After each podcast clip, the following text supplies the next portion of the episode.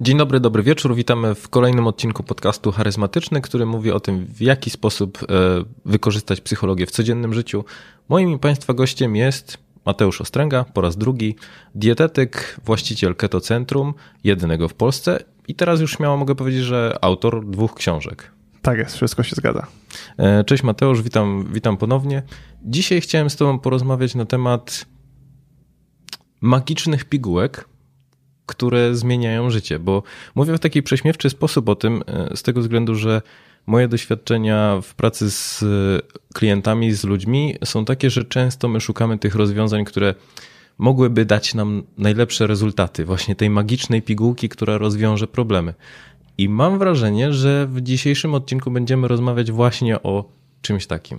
W sumie bardzo fajnie zacząłeś ten temat, bo zarówno w mojej branży, jak i w twojej, e, czyli w dietetyce i w psychologii, raczej ciężko o takie e, pigułki, czy chodzi o odchudzanie, czy gdzieś tam natychmiastową poprawę kwestii mentalnych, a ludzie faktycznie tego często oczekują. Mhm. Ale jak tak o tym pomyślę, to dzisiaj będziemy rozmawiać o czymś, co może pretendować do takiego miana, czyli do pigułki, która bardzo szybko da bardzo wymierne efekty, na różnych płaszczyznach życia.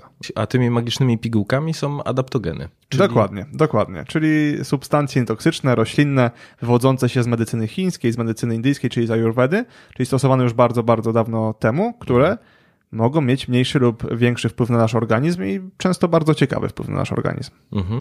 E, ja spotkałem się z tym, że adaptogeny to są substancje, które w jakiś sposób mają pomóc nam w adaptacji do zmieniającego się środowiska. Wszystko się zgadza. Zasadniczo, żeby coś uznać za adaptogen, to musi spełniać trzy kryteria. Pierwszym jest to, że ma to być roślina nietoksyczna, nie? czyli nie może być udowodnionych na ludziach właściwości toksycznych, które miałyby w jakiś sposób ten nasz organizm e, uszkadzać, niszczyć, wyniszczać. Mhm. Druga jest właśnie to, że ma jakiś specyficzny wpływ na adaptację organizmu do sytuacji stresowych mhm. i na poprawę jego funkcjonowania w takich warunkach.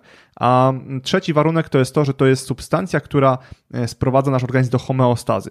Czyli nie ma takiego działania jak kofeina czy jak amfetamina, czyli ogromne pobudzenie, czy bardzo mocny wzrost energii, tylko raczej ma takie działanie tonizujące, stabilizujące, które działa długoterminowo. Mhm, czyli nie ma być wystrzelenia, tylko bardziej takie ja lubię takie słowo, tonizować układ nerwowy, czyli właśnie jakby wy, wypłaszczać tą, to, czego doświadczamy na co dzień. Zgadza się, dokładnie tak jest.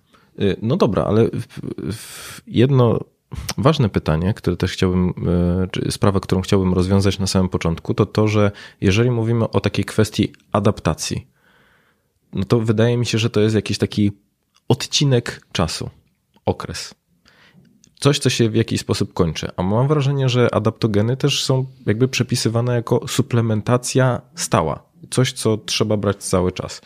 To jak, gdzie jest ta różnica pomiędzy tym, że potrzebujemy suplementować coś, bo mamy cięższy okres w życiu, kontra cały czas mamy cięższy okres w życiu. No myślę, że tutaj już będzie kwestia tego, jak my to indywidualnie potraktujemy, bo mhm. Faktycznie jakby docelowo te adaptogeny na początku przynajmniej e, bardziej były brane pod uwagę jako coś, co ma nam pomóc tu i teraz w cięższych okresach. Natomiast w momencie, kiedy zaczęliśmy też odkrywać, o czym powiemy sobie później, to, że większość z nich wykazuje dodatkowe właściwości, które mogą bardzo dobrze wpływać na nasz organizm, to okazało się, że w sumie, jeżeli one mogą nie tylko pomagać nam w trudnych okresach, ale też dodatkowo zwiększać nasze predyspozycje w różnych aspektach życia mhm. w stosowaniu długoterminowym. Przy okazji, jeżeli nie mają tych działań toksycznych, no to dlaczego w sumie nie? Mhm. Więc uważam, że to kwestia tak naprawdę indywidualnego doboru ich e, pod daną sytuację u danej osoby. Na ten moment przy większości z nich nie mamy przeciwwskazań do tego, żeby je stosować długoterminowo. Okej, okay, super. Dobra, to fajnie, że to wyjaśniliśmy, bo to była taka moja pierwsza obawa, bo jak sobie pomyślałem, adaptacja, no to może być jakiś taki po prostu, nie wiem, kilkutygodniowy, kil, kilkutygodniowy okres. Yy, powiedz mi tak, zacznijmy trochę przewrotnie. Kiedy nie brać? Kto nie powinien się brać za adaptogeny? Yy, kto nie powinien się trzymać od nich z daleka? W jakich sytuacjach? Tak naprawdę, tak jak sama definicja adaptogenów yy, wskazuje, są to substancje, które muszą mieć charakter nietoksyczny, czyli nie może być udowodnionych działań toksycznych dla organizmu, czyli jakichś tam niszczących organizm, w związku z czym ta grupa osób, które mają przeciwwskazania do brania adaptogenów, bardzo mocno się e, ogranicza. No pierwsza podstawowa to będzie to osoby, które mają e, alergię na jakąkolwiek mm, substancję lub e, część składnika suplementu, tak? No bo to może być sam adaptogen, e, który jest w kapsułce, ale czasami mogą być jakieś dodatki dodatkowe, mhm. prawda? No ale na zioła też możemy mieć uczulenia, prawda? To są zioła, to są rośliny. Mamy, ludzie, którzy, mamy ludzi, którzy mają alergię na różne, przeróżne zioła czy rośliny, więc istnieje ryzyko, że ktoś będzie miał alergię po prostu na dany adaptogen, tak? No i w takiej sytuacji oczywiście powinno być to wykluczone. Druga grupa osób to osoby, które biorą różnego rodzaju leki. No i teraz to jest taka szeroka definicja z bardzo prostego powodu, że to jest takie e, przeciwwskazanie, które jest po prostu odgórnie dane, żeby nie zaszkodzić, bo nie wiemy. Nie wiemy, z jakimi lekami ewentualnie mogą być korelacje. Podobnie się nie zaleca przyjmowania adaptogenów wraz z lekami na depresję, mhm. gdzie paradoksalnie, moim zdaniem, w wielu sytuacjach one mogą pomóc, nawet osobom, które przyjmują leki ale nie mamy dobrych badań na ludziach, które by pokazywały, jakie to daje dokładnie efekty w sytuacji przyjmowania takich leków. To wpływa na układ nerwowy i to wpływa na układ nerwowy, to wpływa na neuroprzekaźniki w mniejszym stopniu, to w większym może coś się wydarzyć. Tak więc znowu osoby biorące leki ogólnie i osoby biorące leki antydepresyjne no, są wymienione w grupie przeciwwskazań, a ja bym powiedział, że w grupie osób, które muszą szczególnie uważać i zwracać uwagę na to, co się z nimi dzieje. Bo w rzeczywistości nie ma za bardzo opisanych w literaturze naukowej jakichś wiesz, konkretnych przypadków, że ktoś przyjmował taki i taki lek, przyjął taki i taki adaptogen i stało się to i to. Raczej takich sytuacji nie ma, więc to jest takie ostrzeżenie raczej odgórne. Mhm. Czyli I takie dmuchanie na zimne. Dmuchanie na zimne, bardzo dobrze to określiłeś. No idąc dalej z tym dmuchaniem na zimne, mówimy o kobietach w ciąży, bo tutaj znowu kwestie etyczne nie pozwalają na to, żeby badać większość rzeczy na kobietach w ciąży, po prostu nie podaje się tego. No i mhm. znowu z dwojga złego wychodzi się z założenia, że lepiej nie podać niż podać i zaszkodzić, więc też zaleca się nie podawać kobietom w ciąży e, adaptogenów. Mhm, mhm. Dalej idąc, karmienie piersią też bardzo często jest wymienione e, jako sytuacja, w której no lepiej nie podawać adaptogenów, bo znowu nie do końca wiemy, co się może wydarzyć. Prawdopodobnie nic się nie wydarzy i prawdopodobnie te adaptogeny będą miały dobry wpływ i w trakcie ciąży, i w trakcie karmienia piersią, ale jako, że nie mamy badań, to lepiej powiedzieć, że lepiej nie przyjmować niż komuś zaszkodzić. Tak, bo taka, wyczuwam tutaj taką obawę przed braniem odpowiedzialności, co mogłoby się wtedy stać. Dokładnie, ale to jest akurat coś, co my na większości suplementów znajdziemy, na przykład w kontekście kobiet w ciąży, mhm. tak? To, to właściwie większość suplementów ma takie ostrzeżenie, jeżeli nie ma badań co do tego, czy kobieta w ciąży może, czy nie może, to pisze się, że nie powinno się przyjmować. Mhm. Dobra, czyli uczulenia i potencjalnie przyjmowanie leków psychotropowych y, bycie w ciąży albo karmienie. Tak, i wymienia się też nadużywanie alkoholu jako taki czynnik. Lepiej nie łączyć. Lepiej nie łączyć, nawet nie chodzi o takie sporadyczne gdzieś tam, że ktoś wychodzi na piwko czy lampkę wina, mhm. tylko raczej osoby, które bardzo mocno obciążają swoją wątrobę alkoholem e, i ta wątroba mhm. ledwo co funkcjonuje, to prawdopodobnie mhm. tutaj lepiej tych adaptogenów unikać. Chociaż z drugiej strony, jak miałbym się uprzeć, to uważam, że niektóre z nich, na przykład gdyby ktoś podjął sobie wyzwanie wyjścia z jakiegokolwiek nałogu, to mogą też w tym pomóc, chociażby poprzez to, że stymulują mm, wzrost dopaminy, tak, czy innych neuroprzekaźników, które są ważne w tym procesie wychodzenia, więc nie zaleca się, ale uważam, że znowu to jest takie raczej odgórne, raczej dmuchanie na zimne, mm, bo ostatecznie to prawdopodobnie może pomóc. Mhm. I gdzie jest ta różnica między adaptogenami a suplementami? Czy jest gdziekolwiek? Adaptogeny to są suplementy. Są kategorie suplementów, więc możemy powiedzieć, że to jest specyficzna grupa. Naturalny suplement. Tak, specyficzna grupa suplementów, mhm. nie? Ponieważ muszą spełniać właśnie te kryteria, że e, adaptują nas do stresu, są rośliną, wywodzą się z tej medycyny chińskiej czy ajurwedyjskiej e, i nie są toksyczne, tak? Mhm. Więc, więc to jest taka po prostu grupa suplementów.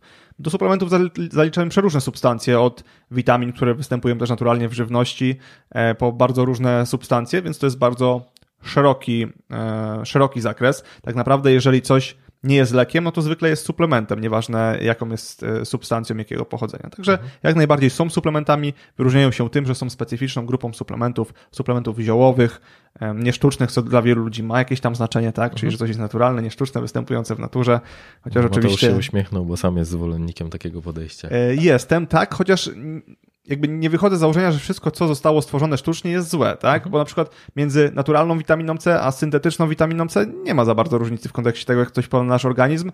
E, musimy pamiętać, że muchomory też rosną naturalnie, więc to też czasami jest takie podejście, że jak coś jest naturalne, no to od razu znaczy, że jest dobre dla nas, zdrowe. Mhm. No tak nie jest. Też łatwo sobie zrobić krzywdę czymś naturalnym, więc oczywiście jestem zwolennikiem podejścia jakby stosowania jak najbardziej naturalnych produktów, szczególnie w diecie, żywności, E, a jeśli chodzi o takie środki wspomagające nasz organizm, no to czasami nawet te sztuczne mogą mieć też bardzo fajne efekty. Nawet o jednym taki, takim sobie dzisiaj powiemy na koniec, bo rozszerzymy jakby poza adaptogenami o dwie takie substancje, które też mogą być ciekawe dla naszych słuchaczy. Mhm, dobra. To teraz chciałbym przejść do kwestii związanej z, z analizą poszczególnych adaptogenów, na co one mogą wpływać. Też mówiłeś o tym, że przygotowałeś się na tyle, że jesteś w stanie mówić o takich zakresach e, dotyczących dawkowania. I ja też, zanim przejdziemy do tego, taki wstęp motywacyjny, bo pomyślałem sobie o tym, że pomysł na odcinek pojawił się w momencie, kiedy e, kilku klientów pytało o, e, gdzieś w gabinecie psychologicznym, co ja mógłbym jeszcze brać, co nie byłoby w jakiś sposób. Bardziej tutaj mówiliśmy o takim zwiększeniu poziomu wydajności, czy właśnie takiej zwiększeniu odporności na stres. I to będzie adaptogen numer jeden z naszej listy, który, który im e, poleciłem. I oni wracali do mnie z takimi rewolucyjnymi e, jakby wynikami. Mówi, że kurczę, no jakby są zaskoczeni tym, jak pozytywnie to na nich wpłynęło. Oczywiście tam kwestie dopasowania tego do rytmu dobowego, do tego, jak wyglądała ich praca, ale no ja byłem sam zaskoczony takim rewolucyjnym, mm, rewolucyjnym podejściem i to było na grupie trzech osób, co prawda, ale trzy wróciły mówiąc, wow, jest super. E, więc zacznijmy. Ashwagandha. Tak, zobaczmy, że tym właśnie numerem jeden jest ashwagandha, która jest faktycznie najpopularniejsza i chyba nie bez powodu była też w przeszłości najczęściej stosowana w tych medycynach, o których mówimy, głównie w Ayurvedzie. I dzisiaj jest najbardziej popularna z adaptogenów, to od niej się mhm. wszystko zaczęło i efekty, zarówno takie jeden na jeden, czyli jak posłuchasz historii osób, które zaczęły przyjmować ashwagandę, jak i kiedy spojrzymy na badania naukowe na ludziach, bo też jest to adaptogen, który ma po prostu najwięcej tych badań naukowych na sobie e, sprawdzonych, zrobionych, to jest to spektakularna roślina, która naprawdę może wiele zmieniać. E, I ja też mam takie doświadczenia i z samodzielnego stosowania, wiem, że ty też masz takie doświadczenia. Tak, e, tak jak w ramach ciekawostki powiem, że współpracuję z jednym DJ-em, który gra na scenach, producentem muzycznym, który gra na scenach światowych i ostatnio napisał mi, czy może przyjmować ashwagandę bez przerwy, bo dosłownie ten moment nie wyobraża sobie jej odstawienia, widzi tak ogromną różnicę, prawda? Mhm. Kiedy on podróżuje po całym świecie, jetlag często, prawda? Niedosypianie, dużo e, stresu, ale też ogrom energii wydatkowanej na scenie, no ta, on odczuwa tą ashwagandę jako coś, co mm, wręcz go ratuje w tych sytuacjach. Mhm. No i tak jest, faktycznie ta ashwaganda może nam bardzo, bardzo dużo dać. Mhm. I jak? Można czy nie można? Można. Nie ma, nie ma e, dowodów naukowych na to, żeby trzeba było przerywać suplementację ashwagandy. Są mhm. jakieś pojedyncze kwestie, o których chcę powiedzieć na koniec. Mam to tam. Dzisiaj, dzisiaj, jest w ogóle pierwszy podcast w moim życiu, na którym mam notatki, nie? bo to jest tak złożony temat i nie chciałbym też pominąć żadnych z aspektów, bo powiedzieliśmy sobie o tym wpływie na stres e, mhm. i na adaptację do stresu, i to jest super, to jest podstawa działania adaptogenów, ale na przykład ashwaganda wykazuje tyle innych ciekawych funkcji, tyle innych ciekawych benefitów dla naszego zdrowia i funkcjonowania, że szkoda by było o nich nie powiedzieć. Dobra. To co jeszcze wskazujesz taki w działaniu ashwagandy, co, co myślisz, że na co warto zwracać uwagę? Zacznijmy sobie od tego stresu. Mhm. Dobrze wiemy, że jako adaptogen adap ashwaganda działa na poprawę naszego odczuwania stresu i to było na przykład badane w badaniach na ludziach, gdzie sprawdzano zarówno badania krwi, czyli kortyzol między innymi, oraz takie testy typowe, które pewnie ty lepiej znasz, na mm, poczucie stresu, też na poczucie stanów depresyjnych, tym podobne. Mhm. I te badania dość jednoznacznie pokazują, że zarówno na jeden aspekt, jak i drugi ashwagandha wpływa bardzo mocno. Mhm. Co pokazuje, że ona wpływa na nas nie tylko tonizująco, działając na nasz układ nerwowy w taki sposób, że on się tonizuje i lepszy, lepiej przyjmuje sytuacje stresowe, lepiej też funkcjonujemy pod stresem, ale też bezpośrednio wpływa na kortyzol, obniżając go. Mhm. I to jest raczej plus, bo dzisiaj. Czyli zwiększenie odporności układu nerwowego. Dokładnie. No, Okej, okay, super. Dokładnie. Dzisiaj żyjemy w czasach, gdzie raczej większość osób ma kortyzol przewlekle podniesiony, mhm. bo nie dosypiają, bo mają dużo stresu w pracy, w życiu. E, raczej mamy taki tryb życia, który jest mm, napędzany cały czas, prawda? Raczej nie żyjemy dzisiaj e, w czasach, w których by się stawiało na medytację, odpoczynek i to, żeby chodzić boso po trawie. Ja nie mówię, że coś jest z tym złego. Jak najbardziej cieszę się, że ludzie chcą dużo osiągać w swoim życiu, ale mhm. to wiąże się z różnymi warunkami i obciążeniami dla naszego organizmu, który niekoniecznie jest do czegoś takiego w ogóle przystosowany, tak? Więc to bardzo fajnie. Minus jest taki, że może jeszcze na ten temat nie ma dobrych badań naukowych, ale wykazano a raczej jest parę przykładów osób, którym ta ashwaganda poziom kortyzolu zbiła, zbiła, zbyt mocno. Czyli przez to, że ona działa bezpośrednio na kortyzol, jest też ryzyko takie, że ten kortyzol nam zostanie obniżony zbyt mocno. To się nie zdarza często, raczej rzadko to są takie anegdotyczne przykłady, ale kortyzol to ostatecznie hormon, który jest nam potrzebny, nie? Bo Mhm. gdyby nie był, to by nie był wydzielany. Gdybyśmy nie mieli kortyzolu, to raczej byśmy tutaj sobie nie siedzieli jako homo sapiens, bo nasz gatunek dawno by został rozszarpany przez jakieś inne zwierzęta, bo kortyzol ma sprawić, że albo będziemy uciekać, albo walczyć, albo zdobywać. Więc kortyzol musi być. Bez kortyzolu nie wstaniemy rano z łóżka. Także jeżeli podczas przyjmowania ashwagandy nagle dojdziemy do sytuacji, w której zaczniemy się czuć bardziej ospali, mniej energetyczni, problem ze wstaniem z łóżka, problem z rozpędzeniem się, czyli zaczniemy czuć zasadniczo efekty odwrotne do tych, które oczekiwalibyśmy, to jest szansa, że po prostu ten kortyzol u nas został obniżony zbyt mocno. Wtedy można zastanowić się nad przerwą, zmianą adaptogen na inny, któryś z tych, o których pom- pomówimy sobie później, albo po prostu zmniejszeniem dawki, bo to też może być e, kwestia, albo zmianą czasu przyjmowania e, ashwagandy, bo można ją przyjmować albo na wieczór, albo ją przyjmować w trakcie dnia i nie ma reguły, ponieważ różne osoby będą na to różnie reagowały. Mhm. Miałem takie sytuacje, że jedna osoba przyjmując ashwagandę na noc spała świetnie, wstawała wypoczęta z dużym, z dużym poziomem energii, drugą przyjmowanie ashwagandy na noc pobudzało. Ja znowu już mam tak, że jeżeli przyjmę ashwagandę na noc, to ciężko mi się wstaje, bo rano mam zbyt niski kortyzol, a rano kortyzol powinien być najwyższy, żeby nas wyrzucić z łóżka. Natomiast przyjmowanie w trakcie dnia u mnie działa dobrze, ale są też osoby, u których właśnie troszeczkę zbyt tonizowała i Mhm. traciły energię, nie? Więc tutaj też to trzeba dobrać porę przyjmowania do siebie. Okej.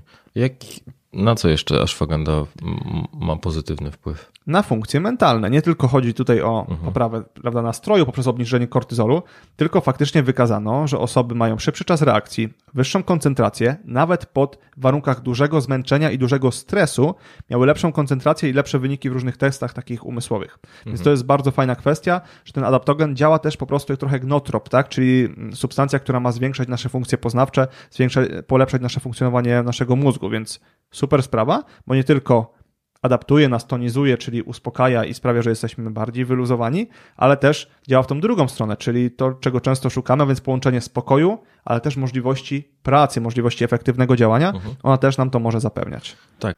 Jeżeli szukasz psychologa, to zapraszam do swojego gabinetu we Wrocławiu lub na spotkanie online. Link do umówienia wizyty znajduje się w opisie filmu lub po prostu wpisz Dawid Straszak w portalu Znany Lekarz. Jakby jak to się reprezentuje w życiu codziennym, to są, wyobraźcie sobie sytuację stresową, która tydzień temu was przygniotła i po prostu nie wiedzieliście w jaki sposób się zachować, a często spotykam się z taką informacją, odkąd zacząłem suplementować yy, ashwagandę, no to po prostu macham ręką, mówię, dobra, to trzeba zrobić to, to i to, czyli te sytuacje, które były dla nas zbyt ciężkie, mogą, zaczynamy sobie odpowiednio, które o, pod względem stresowym były dla nas zbyt ciężkie, zaczynamy sobie odpowiednio z nimi radzić. Dokładnie, dokładnie tak. To nie jest tak, że nagle będziemy mieli na wszystko wywalone, tak, i nic nas nie będzie ruszało, ale zdecydowanie będziemy lepiej reagować na te sytuacje stresowe i to jest charakterystyka adaptogenu. Idąc dalej, ashwagandha wykazuje też e, zwiększenie działania naszego układu odpornościowego. Mhm. Sprawia, że nasz układ odpornościowy działa lepiej.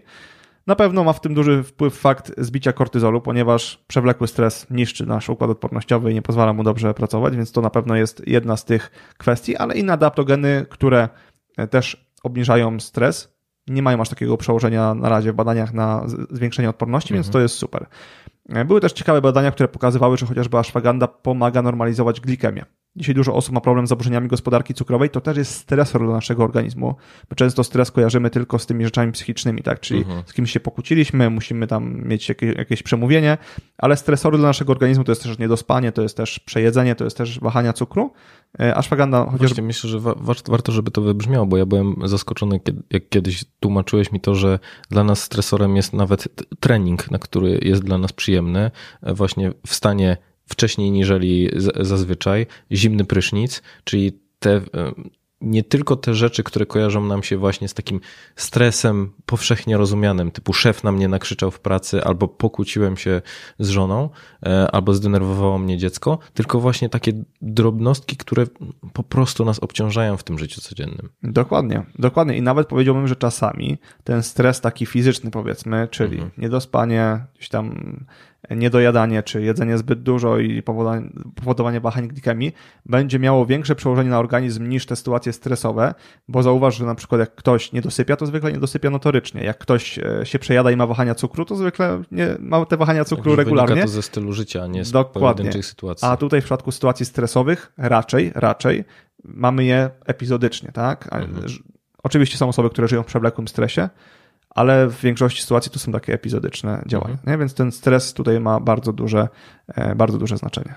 Okej. Okay.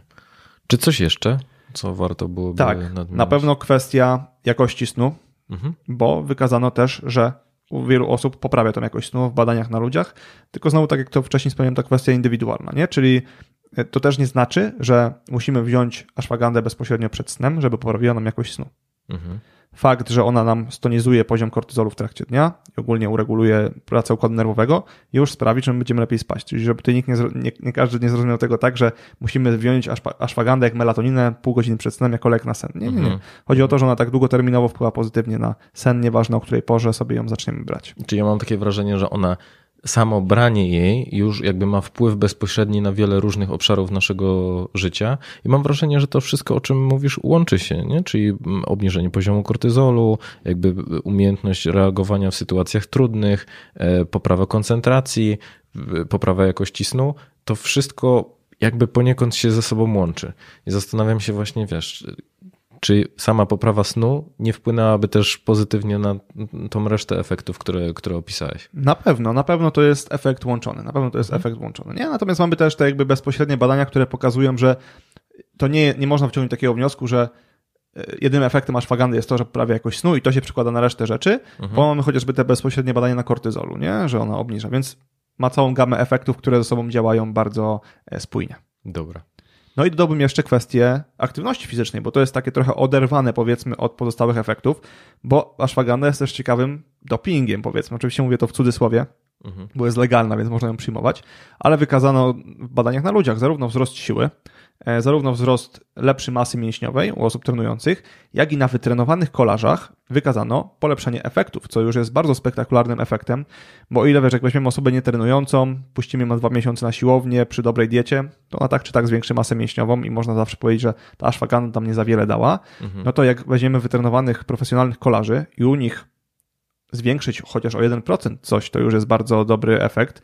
A tutaj, z tego co pamiętam, nawet do 10% dochodziły efekty poprawy e, wyników tych sportowców. Także bardzo fascynujący efekt. Czyli jeżeli trenujemy, nie tylko ashwagandha pomoże nam się lepiej regenerować po tym treningu, e, gdzieś tonizować ten stresor, którym jest trening, jeżeli mamy go dużo, ale też wpłynie bezpośrednio na efekty treningowe, co jest super wiadomością. Uh-huh, uh-huh. No, mi kojarzy się ashwagandha właśnie z koksami z siłowni, którzy właśnie białko i ashwagandha to jest ten zestaw, który gdzieś tam jest bardzo Chyba jeszcze kreatyna. I kreatyna oczywiście, także e, myślę, że to też jest spopularyzowane w tym środowisku sportowym.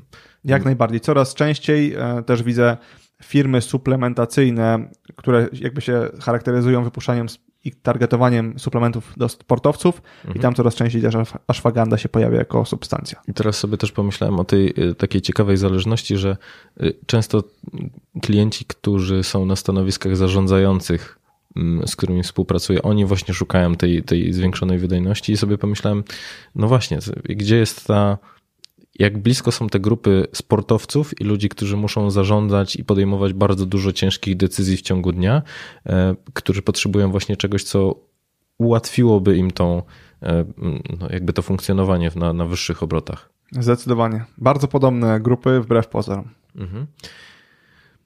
To co, przechodzimy do dawkowania? Możemy jeszcze powiedzieć właśnie o dawkowaniu, tak, tak żeby zamknąć temat ashwagany, czyli w kapsułkach no, może być też zioło, które będziemy sobie używać, powinno być pomiędzy 200 a, 4, a 500 mg ashwagandy. Mhm.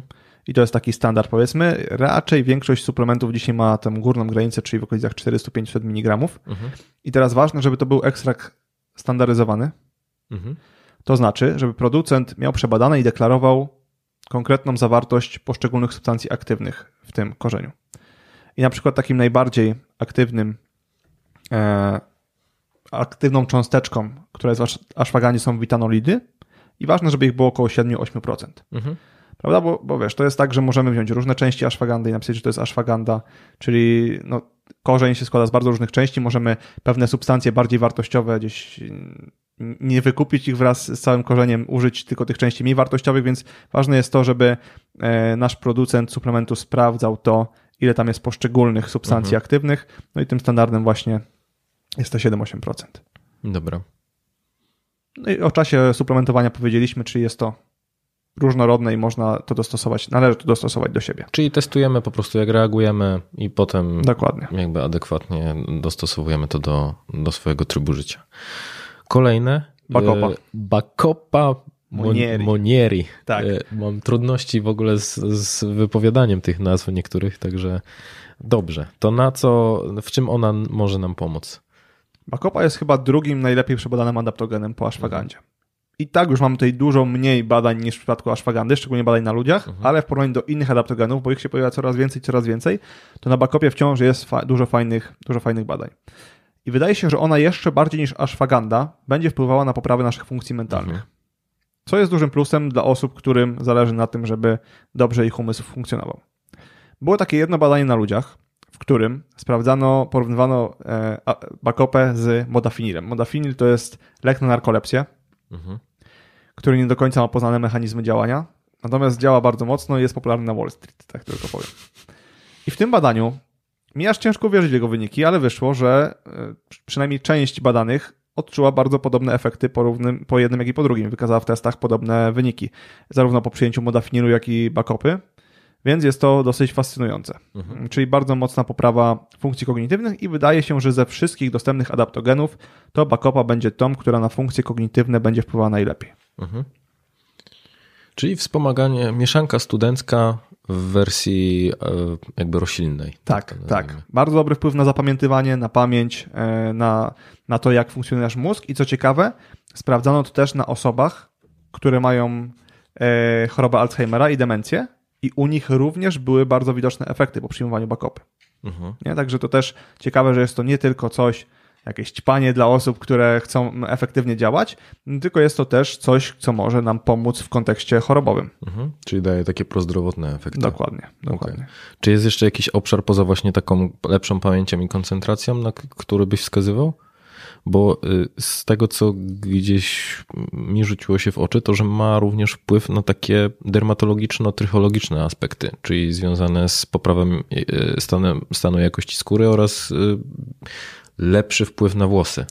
To jest ciekawe, bo przy różnych adaptogenach ta lista cały czas się rozwija mm, dodatkowych właściwości. Mhm. Trzeba zwracać uwagę na to, które z tych właściwości były już badane na ludziach, a które są badane jeszcze powiedzmy na, grup, na komórkach po prostu wyhodowanych czy na zwierzętach. Okej. Bo chociażby pominąłem przy ashwagandzie dużo efektów, które są wymieniane jako efekt ashwagandy, Mhm. ale są na przykład na grupach komórek robione, czyli działanie wspierające układ sercowo-naczyniowy się wymienia bardzo często, ale większość badań jest zrobione chociażby na komórkach czy na Mhm. zwierzętach. I z mojego doświadczenia już wynika, że to tak nie można tak otwarcie mówić, że to na pewno ma przełożenie, bo chociażby w kontekst nowotworowy bardzo mnie tego nauczył, że bardzo dużo substancji, kiedy weźmiemy grupę wyhodowanych komórek Mhm. i daną substancję, powiedzmy kurkuminę, no to efekty są rewelacyjne, prawda? Tam po prostu wy, wyora te komórki nowotworowe do zera, ale jak już weźmiemy kurkuminę i organizm człowieka z chorobą nowotworową, takich efektów nie ma. I bardzo dużo substancji, które dają efekty na hodowli komórek, nie dają efektów na organizmie człowieka. Po prostu jest bardziej złożony. I tak samo tutaj. Ale wydaje mi się, że akurat nie widziałem tego kontekstu bakopy. Skoro y, taki widziałeś, to prawdopodobnie był na ludziach zrobiony, bo ciężko na szczurach czy na grupie e, komórek zrobić badanie pod kątem trychologii. Czy, czy skóry jest duża szansa, bo działa też przeciwzapalnie bakopa, Mhm. e, więc tutaj chociażby można by było upatrywać tego działania na jedną, jak i, jak i drugi aspekt. Dobra, czyli w momencie, kiedy przygotowujemy się do cięższych egzaminów albo mm, no tak, kiedy mamy przed sobą dużo nauki albo dużo takiej pracy mentalnej, w której będziemy musieli się skupiać, to, mm, to jest moment, kiedy, kiedy polecałbyś mm, suplementować. Dokładnie. I Okej. ona również wykazuje oczywiście działanie tonizujące, a więc adaptacyjne do stresu jak każdy adaptogen. Nie tak spektakularne jak e, ashwaganda, nie obniża też bezpośrednio kortyzolu, Mhm. ale adaptuje nas do stresu, dzięki czemu też lepiej go znosimy. Dobra. Jak dawkować? Tutaj znowu nie ma zaskoczenia, bo pomiędzy 250 a 500 mg Mhm. E, i w tym przypadku, muszę sobie sprawdzić, bakanozydy to jest ta substancja czynna Mhm. i dobre suplementy mają nawet 50% bakanozydów w składzie, Mhm. więc tutaj na to zwracamy uwagę. Dobra. Co dalej? Gó- Różeniec górski. Okej. Różeniec górski i nie różaniec, tylko Tak, różeniec. tak. Sam Kiedyś też źle wielokrotnie problem z tym, żeby, e, żeby to odczytać. W, różeniec górski. W czym Tak. może nam pomóc? W sumie, jak poczytamy sobie o różańcu górskim, to może się wydawać, że tam nie ma aż tak dużej różnicy w kontekście ashwagandy, mhm. ale jest jedna zasadnicza różnica, która wpłynie na to, że niektóre osoby, które nie bardzo ashwagandę mogą przyjmować, czy niedobrze się czują, będą się dobrze czuły po różańcu, bo mhm. on wpływa na ustabilizowanie poziomów kortyzolu bez bezpośredniego wpływu na kortyzol. Czyli to, co mówiłem jako ewentualny skutek uboczny ashwagandy, czyli to, że może nam zbić ten kortyzol zbyt nisko, że będziemy mhm. trochę zamuleni, będzie nam się ciężko stawać z łóżka.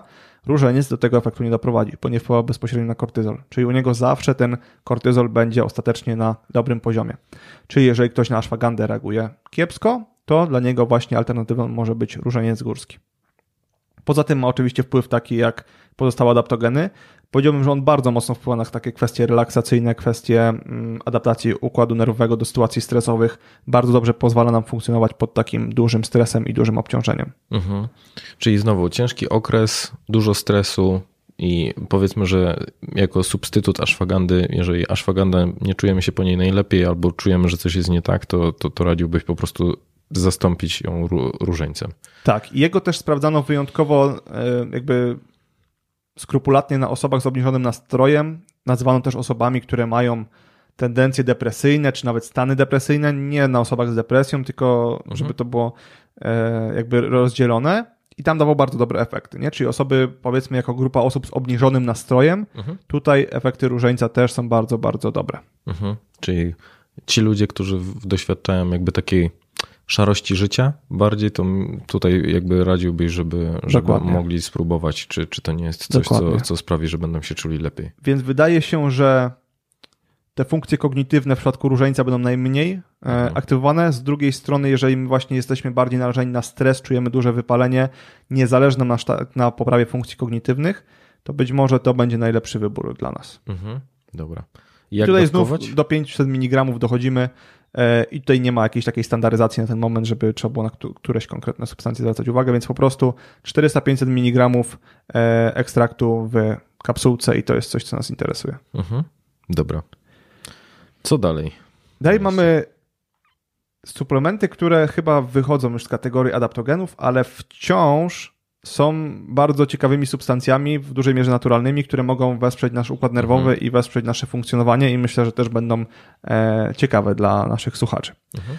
Jednym z moich faworytów jest L-teanina, bo do tej pory wszystkie adaptogeny, które sobie powiedzieliśmy, zwiększa, obniżają kortyzol lub działają tonizująco na układ, e, na układ nerwowy, lub też w różny sposób modulują neuroprzekaźniki. Na przykład Bakopa też działa na funkcje kognitywne przez to, że tam zwiększa troszeczkę poziom dopaminy, poziom serotoniny. Ogólnie jak mamy zaburzenia w neuroprzekaźnikach w mózgu, czyli tych hormonach w mózgu, które odpowiadają za różne e, kwestie, no to ta Bakopa może sprzyjać temu, żeby one się wyregulowały. I teraz L-teanina to jest taka bardzo ciekawa cząsteczka aminokwas pozyskiwany innymi z zielonej herbaty, która bardzo mocno zwiększa nam GABę. GABA to jest neuroprzekaźnik, który wydziela się poprzez medy podczas medytacji, chociażby działa na uspokojenie, wyciszenie, takie pobudzenie fal alfa w naszym mózgu, więc wprowadza nas w taki stan medytacyjno-relaksacyjny. Mało adaptogenów ma taki efekt, raczej żaden z adaptogenów, dlatego ta alteanina to jest dorzucona jako bonus, bo naprawdę może nam się bardzo fajnie pomóc zrelaksować, szczególnie w dni, kiedy mamy faktycznie odpocząć, kiedy chcemy odpocząć, kiedy mamy wolne i nie chcemy się stresować, nie chcemy myśleć o wszystkim, ta altanina może bardzo dobrze zadziałać. Oczywiście nie jest to jakiś efekt ogłupiający, tak, bo to tak mm -hmm. zabrzmieć z tego, co mówiłem. To jest bardzo delikatny efekt, który po prostu wprawia nas trochę bardziej w stan skupienia. Nie myślę, że to jest bardzo ważne, to o czym wspomniałeś, bo mam wrażenie, że leki uspokajające często są kojarzone z takimi, które mają ten efekt, który obserwujemy na przykład na firmach, kiedy, nie wiem, obserwujemy, co się dzieje w szpitalach psychiatrycznych, że ci ludzie po prostu są w jakiś sposób za, za mgłą i ciężko się z nimi komunikować.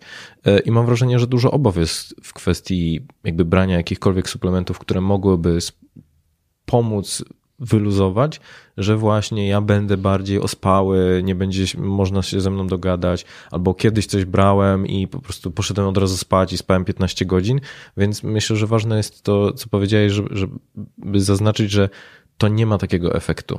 Tak, przy większości tych substancji, które dzisiaj omawiamy, można nawet tego samego dnia nie zobaczyć tego efektu. Po 3-4 dniach sobie pomyśleć, kurde, faktycznie jakoś jestem bardziej wyluzowany, nie wkurzam się tak, jak się wcześniej wkurzałem, nie? Lepiej reaguję na to. Szef na mnie jak krzyczał, a ja tak jakoś to przyjąłem. Mhm. Czasem to jest dopiero refleksja po kilku dniach stosowania, że kurde, faktycznie jest inaczej, nie? To nie jest tak, że boom, tu jak po, jak po amfetaminie, czy po dużej dawce kofeiny jesteśmy wystrzeleni, albo jak po jakichś lekach uspokajających y, prawie śpimy. Nie, to są bardzo subtelne, subtelne efekty. Mhm.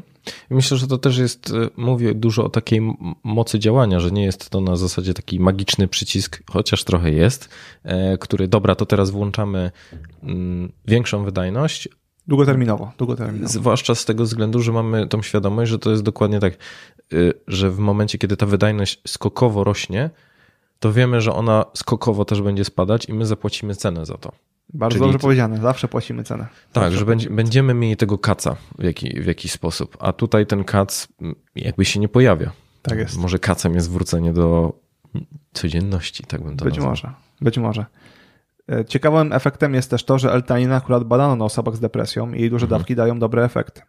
Okazuje się, że podnosi poziom dopaminy i serotoniny, poza tym, że GABę bardzo wysoko podnosi, więc zasadniczo wszystkie neuroprzekaźniki, które są dla nas bardzo istotne w kontekście depresji, które osoby z depresją mają raczej obniżone, więc też działa przeciwlękowo, e, dzięki chociażby podniesieniu GABY bardzo wysoko. Mhm. Także są to ciekawe rezultaty w kontekście depresyjno-lękowym, gdzie może to być moim zdaniem bardzo, bardzo dobre wsparcie. To jest taki istotny aspekt, z którym ja się borykam też w gabinecie psychologicznym, bo często mm, w momencie, kiedy już zalecam jakąś farmakoterapię jakby i konsultację psychiatryczną, to słyszę o obawach związanych z tym, że ja nie chcę, bo wierzę, że mm, to obniży mój komfort życia. I trudno się z tym nie zgodzić, z tego względu, że źle dobrane leki, e, jakby lista efektów ubocznych, które które są w źle dobranych lekach, no jest ogromna. To kwestia od, od nawet kwestii związanej z, z takimi drobnymi rzeczami jak problemy z, z odbijaniem, ze snem, e, przez jakieś bardziej poważne typu e, ciągły brak koncentracji, zwiększona senność albo właśnie wybudzanie się w nocy. Także no, to, to wpływa na jakby na codzienne funkcjonowanie i ludzie mają obawy związane z tym, kurczę, no z jednej strony chcę, żeby mi było lepiej, ale okej, okay, będę się czuć lepiej, ale z drugiej strony pozostałe aspekty mojego życia też będą w jakiś sposób szwankować. No i y, to, co jest też charakterystyczne, że często te leki mają działanie dopiero po jakimś czasie, czyli po dwóch do czterech, czasami nawet sześciu tygodni e, i a ludzie czasami potrzebują tych efektów jak, jak najszybciej. W pełni się zgadzam i chyba nie chcę wchodzić w ten temat za mocno, mhm. bo wiesz, jakie mam poglądy na ten temat i moglibyśmy osobny podcast nagrać o podejściu do depresji czy do schorzeń mentalnych w dzisiejszych czasach, gdzie jest bardzo mocne skupienie tylko na jednym aspekcie, czyli na neuroprzekaźniku, nie? który jest dysfunkcyjny, no ale raczej nie jest dysfunkcyjny z powodu braku leku. Mhm.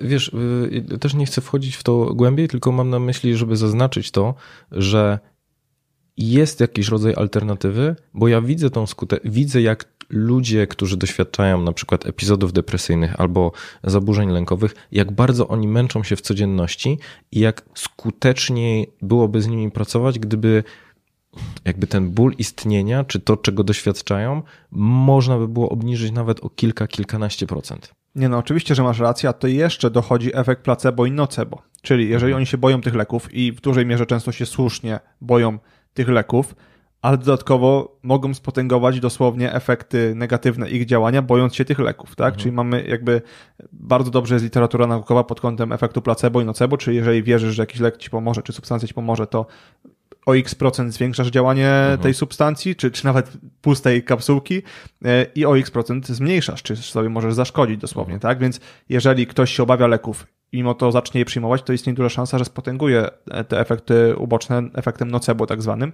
A znowu, kiedy, tak jak dzisiaj rozmawiamy o tych adaptogenach, uwierzy w to, że to jest substancja, która jest dla niego bezpieczna i może pomóc, to jeszcze może spotęgować efekt tego działania efektem placebo. Ja wiem, że to trochę brzmi jak szaleństwo, ale efekt placebo i nocebo są bardzo dobrze w literaturze opisane i jakby tutaj nie ma wątpliwości, że to tak działa. W pełni się zgadzam i myślę, że to jest też dobry moment, żeby wspomnieć o tym, że większość tych adaptogenów, o których mówimy, jest przystępnie tania. Co Oczywiście. też ciekawie wpływa, bo efekt placebo jest większy, kiedy rzeczy są droższe. Okay. Więc to też może, w sensie, no jakby. Tak, tak, rozumiem. Droższe pigułki lepiej działają. Wiadomo. Tak, droższe wino jest lepsze. Więc mm, Myślę, że producenci droższej aszwagandy będą zadowoleni, jeżeli się skusicie, ale nie ma potrzeby. chodzi właśnie o to, żeby też zwrócić uwagę na to, że, to, że do, tutaj nie jest e, te, ten rynek. Nie, będziemy jeszcze mówić o tych cenach i będę Ci pytał właśnie na co zwracać uwagę, e, ale chciałem też zaznaczyć, żeby nie wpaść w tę pułapkę. Dobra, to ja kupię najdroższy, bo są e, jakby kilkukrotnie droższe.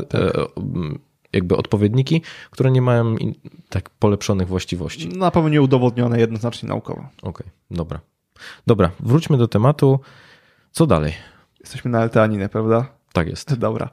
E, jeszcze jedną ważną cechą jest blokowanie wiązania się kwasu L-glutaminowego do receptorów, bo ten kwas, mówiąc bardzo prosto, on ma Mhm.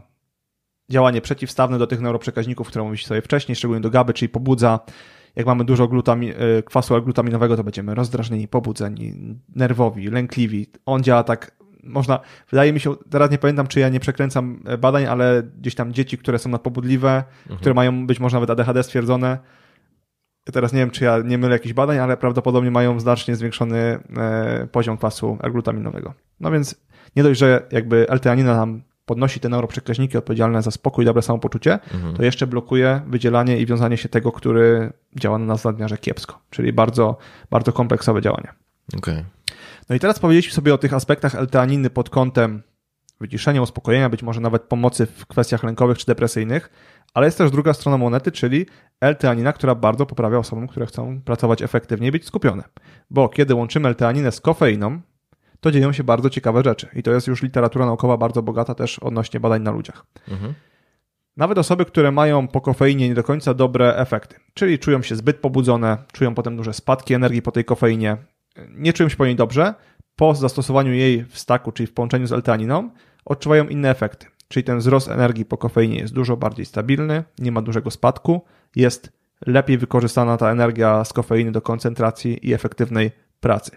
Ja sam bardzo lubię pracować po właśnie takim połączeniu, czyli piję sobie kawę wcześniej suplementując 400 mg L-teaniny i to jest takie uczucie, jakbyś miał klapki na oczach. Tak jak koń wyścigowy, któremu się zakłada klapki na oczach, żeby widział tylko tor, to czasami przy L-teaninie mam dokładnie taki efekt, nie? Czyli wydaje się, że skupiam się tylko na tym zadaniu, nic więcej mnie nie rozprasza i można bardzo efektywnie działać. I tutaj sobie wypisałem, bo e, są badania naukowe, które pokazują, że tak, taki stack zwiększa ostrość wzroku. Bardzo ciekawy e, efekt, który prawdopodobnie wbrew pozorom może być właśnie związany z tym takim widzeniem tunelowym, tak? czyli Mhm. tymi klapkami na oczach. Zwiększa szybkość reakcji na bodziec, też Mhm. bardzo ważne. Po prostu poprawia funkcje kognitywne, pamięć, koncentrację. E, Zwiększa też wydolność fizyczną, więc w kontekście treningowym, jako taki stack przedtreningowy też może być bardzo fajnym urozmaiceniem. Okej. Czyli jeżeli chcemy się mieć pewność, że będziemy wyluzowani albo w jakiś sposób y, w połączeniu z kofeiną, zastosowanie jej w takim podejściu snajperskim do tego, żeby ok, teraz się skupiam całkowicie, klapki na oczy i Dokładnie. zakuwam. Dlatego bardzo lubię ten suplement, bo w zależności od tego, jakiego efektu potrzebujemy, możemy go użyć w różnych sytuacjach, tak? Czyli chcemy odpocząć, nada się do tego, chcemy ciężko pracować, też się do tego nada w połączeniu z kofeiną, więc dla mnie super. No i takie dawki rekomendowane to jest 200-400 mg. Ja od razu polecam zacząć od 400, bo tutaj raczej w literaturze naukowej nie ma jakichkolwiek efektów ubocznych przy przedawkowaniu, ale też powyżej 400 mg nie zauważono jakichkolwiek dodatkowych benefitów. Więc wydaje się, że to te, te, te 400 mg jest górną granicą i to górną granicą, która daje fajne efekty, a nie daje efektów ubocznych. Okej, super. Dobra.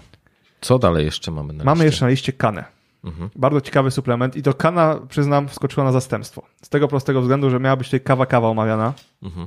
która okazało się, że już jest nielegalna. Bo w Polsce regularnie zachodzą zmiany w odnośnie tego, co jest legalne, co nie, bardzo często wzorowane na Ameryce i dość często substancje, które są całkiem spoko, nagle stają się nielegalne no, z różnych przyczyn. Ogólnie jakby rządzący podchodzą do nas z takim podejściem, no, że nie jesteśmy dorośli, nie wiemy, co możemy, a co nie, więc lepiej nam zabrać, niż dać możliwość użycia czegoś, co ewentualnie mogło nam zrobić krzywdę. Dziwię się, że kawa jest cały czas legalna. To chyba Z, zwłaszcza, że jeszcze wracając do kawy kawy, to pamiętam, że no nie wiem kiedy, to było pół roku temu albo trochę ponad, e, przepisywałeś mi swoje zalecenia suplementacyjne i kawa kawa była tam wymieniona jako substytut, w sensie br- dobrania naprzemiennie za szwagandą. Tak, i była normalnie dostępna na sklepach. Tak. E, Już nie ma na sklepach. Nie ma już kawy kawy nigdzie. Pozostała zakazana, a szkoda. Natomiast na szczęście, na szczęście rynek nigdy nie jest pusty i mamy kanę. Kana to jest afrykańska mm, roślinka, Mhm. bardzo ciekawa, e, stosowana od dawna właśnie w medycynie, powiedzmy w Afryce. Mm, I jej działanie jest o tyle specyficzne. I, I z tego co wiem, to ona jeszcze nie jest zaklasyfikowana jako adaptogen, ale moim zdaniem bardzo można ją tam wrzucić, bo nie ma działań toksycznych, sprzyja dobremu, dobrej adaptacji do stresu e, i ma działanie tonizujące. A ona działa trochę jak SSRI, czyli popularne leki na depresję. A więc blokuje wychwyt zwrotny serotoniny, przez co ten poziom serotoniny jest u nas na, po prostu wyższy. Z tym, że nie wykazano, by kanakana działała negatywnie, tak jak wiele leków e, źle dobranych, szczególnie przeciwdepresyjnych, Mhm. a więc nie wykazano nawet przy długim stosowaniu jakich efektów ubocznych. Na przykład problemów z libido, na przykład y, po, pogorszenia poziomów energii, kompletnie nic. E, I oczywiście to jest dużo subtelniejsze blokowanie y, wychwytu zwrotnego serotoniny w przypadku leków przeciwdepresyjnych. Mhm. Prawdopodobnie, nie wiem na ile mniejszym poziomie, na ile x razy mniejszym poziomie, ale w związku z brakiem tych efektów na pewno na wiele razy mniejszym. Natomiast przy osobach z obniżonym nastrojem, zaburzeniami nastroju, efekty były bardzo, bardzo dobre. Ciekawe. W sensie y, mówię z tego względu, że tak rzadko, nie wiem, ja na studiach psychologicznych nie słyszałem o tym. E, Przyznam, że to jest też substancja, którą odkryłem niedawno i jej nie było dostępnej jeszcze jakiś czas temu w Polsce, więc to też pokazuje, że ten rynek się cały czas rozwija. Mhm. Bardzo możliwe, że w Polsce jeszcze jakiś czas temu się o niej w ogóle nie mówiło. Tak, mówię, mówię o tym z tego względu, że to może być rzeczywiście taki złoty gral. Ja oczywiście podchodzę z takim sceptycyzmem do rzeczy, które rewolucjonizują e, farmaceutyki, bo, e, ale tak jak opisywaliśmy i jak sam wspominałeś, że potencjalnych skutków ubocznych Nie wykazano na razie w badaniach na ludziach, że były jakieś skutki uboczne. Tak, bardziej odnoszę się do tego, że y, w przypadku lekarstw, na, leków na depresję jest cała lista. E, Czyli nawet polecam e, po prostu wpisać sobie e, w, w Google leki na depresję, skutki uboczne i zobaczycie coś, co no, jakby jest w jakiś sposób onieśmielające w momencie, kiedy widzimy, kurczę, ja jestem w złym humorze, a jeszcze tak tyle rzeczy może się wydarzyć źle. Więc myślę, że w jakiś sposób może to e, no, trochę zdecydowanie lepiej wpłynąć na, na jakość życia e, ludzi, którzy mierzą się właśnie z, z problemami jakby z, z obniżonym poziomem serotoniny. Tak, zdecydowanie i co bardzo ważne, w badaniach wykazano, że ludzie już po dwóch godzinach od przyjęciu, przyjęcia kany odczuwali efekty jej przyjęcia w porównaniu z grupą placebo, Mhm. gdzie przy lekach na depresję musimy czekać parę tygodni. Tak, od dwóch do sześciu. No właśnie. I oczywiście my nie zachęcamy do tego, żeby ktoś teraz odstawił leki e, antydepresyjne i przeszedł na ziółka. O to nie, w ogóle nie o to chodzi. Nie? Absolutnie do niczego takiego nie zachęcamy, ale warto znać alternatywny i warto wiedzieć, jak co Mhm. funkcjonuje. Nie ma jakichś super badań na ludziach, wiesz. Idealnie było badanie na grupie osób z depresją ciężką, prawda? Jak Mhm. ta kana wpływa. Nie ma takich badań, więc też nie możemy powiedzieć, że Tak. już bierzemy wszyscy kanę, rewelacja. Absolutnie nie, ale efekty jak najbardziej warte odnotowania i uważam, że u osób z obniżonym nastrojem, gdzie ten obniżony nastrój wiemy, że jest z powodu serotoniny, o czym Mhm. sobie na koniec jeszcze powiemy, mam nadzieję, czyli skąd wiedzieć, czego nam brakuje, Mhm. może w taki sposób, to jak najbardziej dobre rozwiązanie. Dobra, a jak dawkować? Na razie znalazłem zasadniczo tylko jeden dobry suplement z tymi ma 25 mg e, kany, więc Mhm. wydaje się, że to jest idealna dawka. Mhm. Y, Czyli ja też myślę o tym, że zdroworozsądkowe mm, suplementowanie jest, bo na każdym suplemencie zawsze jest napisane, jaka jest Tak. jakby zalecana dawk, jakie jest zalecane dawkowanie, ale myślę, że to takie pójście od dołu, czyli bierzemy pewno. najmniejszą możliwą pewno. dawkę i Sprawdzamy. potem zwiększamy sukcesywnie do momentu, kiedy będziemy mieli spodziewany efekt, no ale też bez przesady, bo mówię o tym z taką jakby pełnym przekonaniem, bo znam ludzi, którzy mówią, to jest właśnie to podejście typu nie chodziłem przez rok na siłownię, więc teraz będę siedział 12 godzin dziennie. 6 razy w tygodniu. Mhm. Y, Dobra, czy jeszcze coś, o czym chciałbyś wspomnieć w kwestii y, w Kany? kwestii w, y, kan, czy też w ogóle a, w adaptogenów? W sensie któreś, które przychodzą Nie, nie, to już mamy dla Czyli- mnie temat zamknięty, bo jest ich dużo, Mhm. pozostałe mają dużo mniej badań na, na ludziach. Być może będą jakieś super, za rok nagramy część drugą, Mhm. aktualizację. Na razie te moim zdaniem są czymś, na czym się powinniśmy skupić. Przede wszystkim ashwagandha, jak nie to mamy alternatywy w postaci bakopy, w postaci różeńca, L-teaniny, kany. Mhm. Dobra. Y, powiedz tak, co powinno ludzi niepokoić na zasadzie zacząłem brać i jak, jak mogą się czuć, żeby to był sygnał y, to nie jest coś dla ciebie?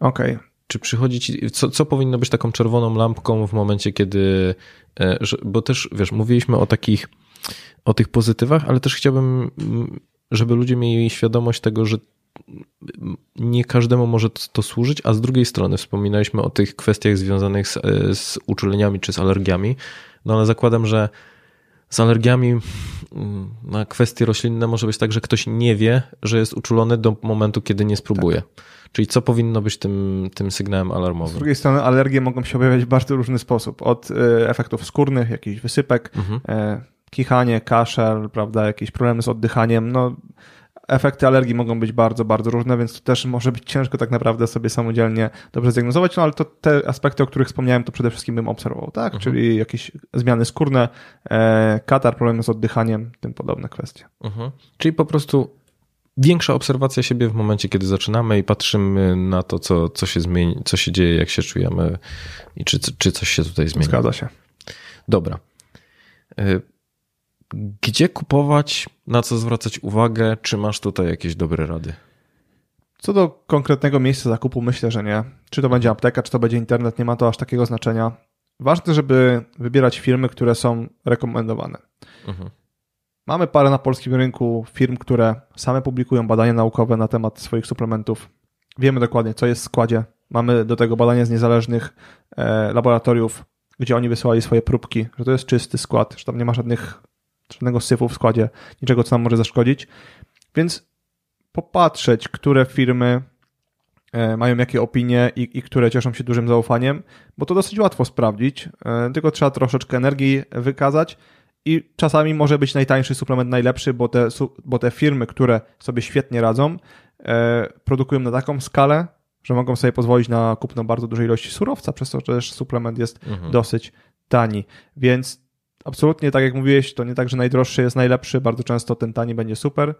Powiedziałem już mniej więcej na co zwracać uwagę do tego, żeby, czyli te, co powinno być w składzie, jakie powinny być standaryzacja, do tego, żeby to był producent, który jest wiarygodny, od dawna na rynku, który publikuje sam badania naukowe na temat, badania laboratoryjne, przepraszam, na temat swoich e, produktów i super. Mhm, dobra. E, ja myślę, że dodałbym tylko te też kwestie związane z tym, że uważałbym na najtańsze, e, z tego względu, że kiedyś. Takie pamiętam, podejrzanie tanie. To podejrzanie tanie, które rzeczywiście pamiętam, że przez jakiś czas suplementowałem taką najtańszą ashwagandę z Rossmana i nic. Tak, tylko podejrzewam, się... że jakbyś ją przepuścił przez ten filtr dawki i e, ilości standaryzacji, to po prostu by nie przeszła tego, jakby tego testu. Tylko zwracam uwagę, że, bo też e, powiedzieliśmy, że myślę, że takie zdroworozsądkowe, nie najtańsze, nie super najdroższe, no chyba, że chcemy po prostu zapłacić, bo czy ta forma przyjmowania też ma e, znaczenie, bo widziałem, że są w postaci tabletek i są w postaci płynu. Tak, przyznam, że sam nie przyjmowałem takiej w postaci płynu, więc nie do końca, chociaż są takie od osób, które przyjmowały doniesienia, że faktycznie czują e, lepszy efekt, no bo mhm. teoretycznie czysto coś, co przyjmujemy podjęzykowo, mhm. wchłonie się lepiej niż coś, co połykamy do układu pokarmowego. Okay. Więc może to być mocniejszy efekt, może wtedy jest mniejsza dawka potrzebna, ale sam nie stosowałem, też nie widziałem jakichś badań naukowych, które by jasno pokazywały, że ta forma jest lepsza. Mhm. I też dużo osób, które stosuje po prostu do ustnie, e, czyli do przełykowo, ma bardzo dobry efekt, więc. Dobra. Czy coś jeszcze w kwestii adaptogenów, na co chciałbyś szczególnie zwrócić uwagę? Chciałbym na koniec powiedzieć o tej ciekawostce związanej z testem Bravermana.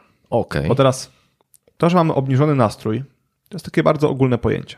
Mhm. No, możemy mieć obniżony nastrój dlatego, że widzimy szarość życia, dlatego, że jesteśmy smutni, ale możemy mieć też taki obniżony nastrój bardziej spowodowany tym, że brakuje nam celu w życiu, brakuje nam poczuciu, poczucia sensu. Mhm. I wbrew pozorom te stany, które opiszemy tak samo, czyli obniżony nastrój, mogą wynikać z zupełnie różnych kwestii. Mhm. Tak bardzo podstawowo i bardzo ogólnie podzieliłbym je jako niedobór serotoniny i niedobór dopaminy. Bardzo podstawowo uogólniam, jako psycholog pewnie chcesz mnie zabić, ale... Nie, nie. Ja okay. jestem zdania, że chodzi o to, żeby ludzie zrozumieli, No właśnie, a tak. nie to, żeby tutaj Ja często w moich materiałach upraszczam, mówię bardzo prosto, potem ludzie ze środowiska naukowego się czepiają, ale najważniejsze jest to, że mnóstwo osób rozumie, co ja mówię i Mhm. cieszą się, że to jest mówione w taki sposób. Więc Mhm. najprościej serotonina bardziej brak szczęścia, brak poczucia radości, Mhm. dopamina brak poczucia sensu, celu, e, mocy działania. To i to może powodować obniżony nastrój. No teraz jak to sprawdzić? No mamy taki problem, że nie bardzo możesz iść do laboratorium, pobrać krew i sprawdzić neuroprzekaźniki. Nie da się, no bo one tam w głowie szaleją.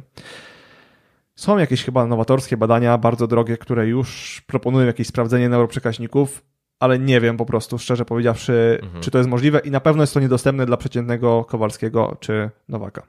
Więc co możemy zrobić? Możemy zrobić test. Test, który nie jest w 100% miarodajny, bo jest to test, w którym my odpowiadamy na różne pytania, więc możemy nakłamać, możemy, może nam się wydawać, że jest inaczej niż jest w rzeczywistości, Mhm. ale z moich doświadczeń jest to całkiem, całkiem miarodajne, szczególnie przy cięższych niedoborach. Naprawdę ten test jest wiarygodny. To trzeba poświęcić 20-30 minut, bardziej 30. Tam jest bardzo dużo pytań odnośnie tego, jak my się zachowujemy w różnych sytuacjach. Mhm. Czy lubisz robić zakupy, czy masz ciągi do alkoholu, czy masz tendencję do uzależnień, czy jesteś kłótliwy. Czy wstajesz rano z energią? Tak, Czy chcecie tak. się ćwiczyć? Bardzo proste pytania. Myślę, że czasami warto ten test wykonywać z drugą osobą naszą bliską, jeżeli nie potrafimy do końca wiarygodnie spojrzeć na siebie Mhm. samych, a często nie potrafimy. Mamy tendencję do tego, żeby się idealizować i dodawać, że jacy to nie jesteśmy świetni. Mhm. A Ale to tutaj też jest, w- dlatego testy są długie, żeby ludzie byli zmęczeni poznawczo i żeby już potem przestali się autoprezentować, tylko odpowiadać Dokładnie, dokładnie. sposób. I ostatecznie ten test pokazuje nam sytuację związaną z czterema neuroprzekaźnikami. Mhm. Dopaminą, serotoniną, gabą i acetylcholiną. Trzy pierwsze omówiliśmy już sobie dzisiaj, czyli serotonina, powiedzmy szczęście, dopamina, motywacja, chęć do działania, GABA, spokój, wyciszenie, acetylcholina, procesy myślowe, e, między innymi bakopa zwiększa właśnie poziom acetylcholiny. Mhm. Dlatego działa tak też efektywnie na funkcje kognitywne. I problemy z pamięcią, jeżeli mamy niedobór acetylcholiny, też mogą wynikać. No i z tego testu możemy się na przykład dowiedzieć, że mamy ciężki niedobór serotoniny, czy ciężki niedobór dopaminy. I wtedy wiemy, w którym kierunku iść i w którym kierunku celować. Mhm. I teraz, jak mamy ciężki niedobór dopaminy, to raczej kana nie będzie dobrym rozwiązaniem, mimo że się nasłuchaliśmy, że poprawi nastrój, no to poprawi, a guzik może zadziałać jeszcze odwrotnie, bo jeszcze bardziej nam podbije serotoninę, obniżając jeszcze bardziej dopaminę Mhm. i będzie słabo, nie? Dlatego warto wiedzieć, z czym się borykamy, warto to sobie zrobić, bo wtedy lepiej możemy też dobrać suplementację dla siebie. Okej, czyli test Bravermana na sam początek i, na, i wrócić do odsłuchania tego, Dokładnie. tego podcastu. Dokładnie. Link będzie zamieszczony w opisie odcinka e, do, do samego testu. Test jest darmowy, więc na spokojnie. Jest w ogóle dostępny w różnych miejscach. My tam damy jakiś jeden, wybierzemy, ale Mhm. jak ktoś chce sobie wybrać jakąś inną stronę, to nie ma problemu. Mhm. Dobra. Dobra, czy jest coś jeszcze, o czym chciałbyś wspomnieć w kwestii, albo przestrzec w kwestii działania adaptogenów? Niekoniecznie. Mhm. Fajna sprawa, naprawdę subtelna pigułka, która może dużo zmienić w naszym życiu. Tak, myślę, że to jest bardzo ważne, że mówiliśmy o tej magicznej pigułce mm, w jako nazewnictwie adaptogenów trochę w prześmiewczy sposób, ale z drugiej strony myślę, że pojawia mi się też taka obawa związana z tym, czy my przypadkiem nie zaczynamy podchodzić do siebie jako do narzędzia w takich przypadkach? Bo też jak zacząłeś opisywać ten proces, ok, robię kawę, biorę teinę, żeby mocniej się skupić, żeby się tak właśnie jak ten koń wyścigowy e, skupić tylko i wyłącznie na tym, co jest przede mną. Z drugiej strony mm, stresujące sytuacje, więc biorę ashwagandę po to, żeby umieć się zachowywać w tych stresujących sytuacjach. Zastanawiam się z drugiej strony, czy to nie jest droga, która wiedzie nas na, na, na przepaść, żeby, czy, czy, czy to nie jest traktowanie siebie jako maszyny, którą trzeba po prostu naoliwić i, i wiesz, dodać jakichś cudownych rzeczy, żeby działała jeszcze bardziej wydajnie.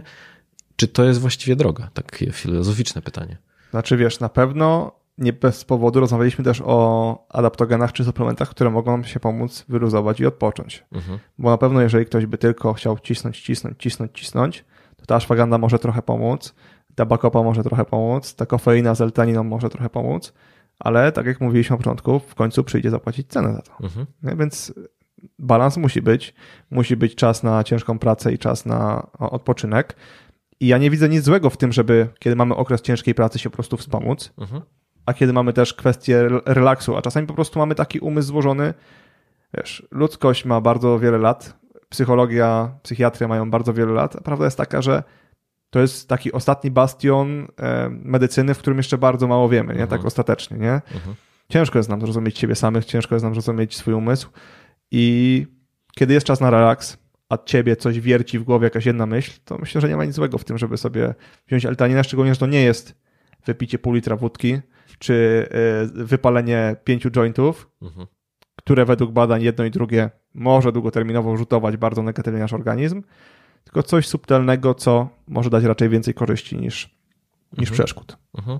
I myślę, że też chciałbym, żeby to wybrzmiało, bo e, żeby nie podchodzić do tego na zasadzie, dobra, to teraz ja będę e, brał adaptogeny jako formę tego, żeby jeszcze więcej wycisnąć. Tak, wiesz, ja nie po, to, e, nie po to dzisiaj wymieniłem tyle, żeby brać je naraz, nie? Czyli Mhm. na wieczór e, L-teanina, żeby się wyciszyć, rano GABA, tutaj, tutaj, tutaj. Nie, nie, nie, raczej jedna rzecz do testów, parę miesięcy, potem można spróbować czegoś innego. Mhm. Tutaj nie chodzi o to, żeby codziennie wrzucać w siebie sześć różnych e, substancji i modulować aż tak, bo prędzej czy później stracimy nad tym kontrolę Mhm. i coś się wysypie. Nie, nie znamy tego mózgu. Na przykład nie bez powodu jest przeciwwskazanie do łączenia adaptogenów e, z lekami na depresję. Mhm. Tak? Dokładnie. Jedno drugiego może szkodzić, więc tak samo łączenie tych różnych adaptogenów. Mamy badania, że każdy z nich osobno jest bezpieczny. Oczywiście, że można sobie troszeczkę namieszać, pewnie w neuroprzekaźnikach, jak nagle zaczniemy wrzucać pięć różnych. Mhm. Dobra, czyli na spokojnie i pojedynczo. No, z. I z dużą, z dużą obserwacją tego, co się z nami dzieje. E, dziękuję, dziękuję za, za, za to, że podzieliłeś się tą wiedzą, bo kurczę, jestem pod wrażeniem, jakby pojawiło się tu dużo takiej no, wiedzy prosto z badań, ale też z, z twojego doświadczenia. Powiedz mi w takim razie, z czym ludzie mogą do ciebie przychodzić? Z czym mogą się do ciebie zwracać? Ze wszystkim praktycznie. Mhm. E, tak, zupełnie serio to pomagamy kompleksowo w Ketocentrum ogarnąć swoje zdrowie. Nie? Także i pracuję z osobami, które mają takie problemy, że chcą efektywniej myśleć e, i chcą się lepiej czuć. I tutaj oczywiście żywienie i suplementacja ma ogromne znaczenie. E, Z osobami, które chcą nabrać lepszej formy, czyli zrzucić e, masę ciała i też się lepiej czuć. Z osobami, które mają różne problemy zdrowotne, jak insulinoporność u mężczyzn, niski testosteron, zaburzenia gospodarki cukrowej. Także tak naprawdę, wiesz, też współpracuję z różnymi specjalistami. E, W większości problemów zdrowotnych, z którymi dzisiaj się boryka ludzkość, dieta i suplementacja ma mniejsze lub większe znaczenie, więc od tego zaczynamy. Później dołączamy różne inne kwestie w zależności od tego, do jakiego specjalisty warto tą osobę wysłać. Nie? Czyli na przykład psycholog, psychiatra, mm, inny lekarz. W ten sposób funkcjonujemy. Okej. No i polecam szczególnie książki e, Mateusza. polecam. Ja- ja Dzisiaj będę jadł karkówkę z, z twojej książki kucharskiej, także linki do nich też będą, będą w opisie. No i cóż, dziękuję, że, że wpadłeś. E, Bardzo mi miło po- porozmawiać po raz kolejny. Miejmy nadzieję, że do zobaczenia, do zobaczenia już wkrótce. Tak, to ja widzów poproszę i słuchaczy o dużo komentarzy. To będzie motywacja dla Dawida, żeby mi tutaj znowu sprowadzić na dobrą kawę i dziękuję bardzo za zaproszenie. Mam nadzieję, że podcast był przydatny. Dzięki wielkie. Do widzenia. Do widzenia. Cześć.